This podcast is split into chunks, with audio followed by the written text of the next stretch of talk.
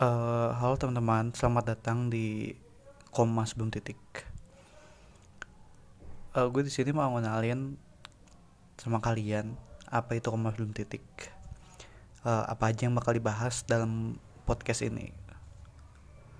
Pertama, koma sebelum titik ini gue buat karena gue pengen nge-share ke kalian tentang cerita-cerita orang yang kebetulan banyak cerita ke gue uh, dari cerita-cerita orang tersebut gue berharap kalian bisa uh, mengambil suatu kesimpulan dan akhirnya kalian dapat terbantu gitu. Ketika kalian mengambil suatu keputusan yang kebetulan sama dengan masalah dalam cerita tersebut gitu. Sehingga kalian nggak kaget dan tahu apa yang harus kalian lakukan. Intinya kayak gitu. Jadi uh, bakal banyak cerita-cerita orang yang bakal kalian denger uh, tapi nggak menutup kemungkinan kalau isi dari podcast ini itu nggak cuman cerita-cerita orang aja.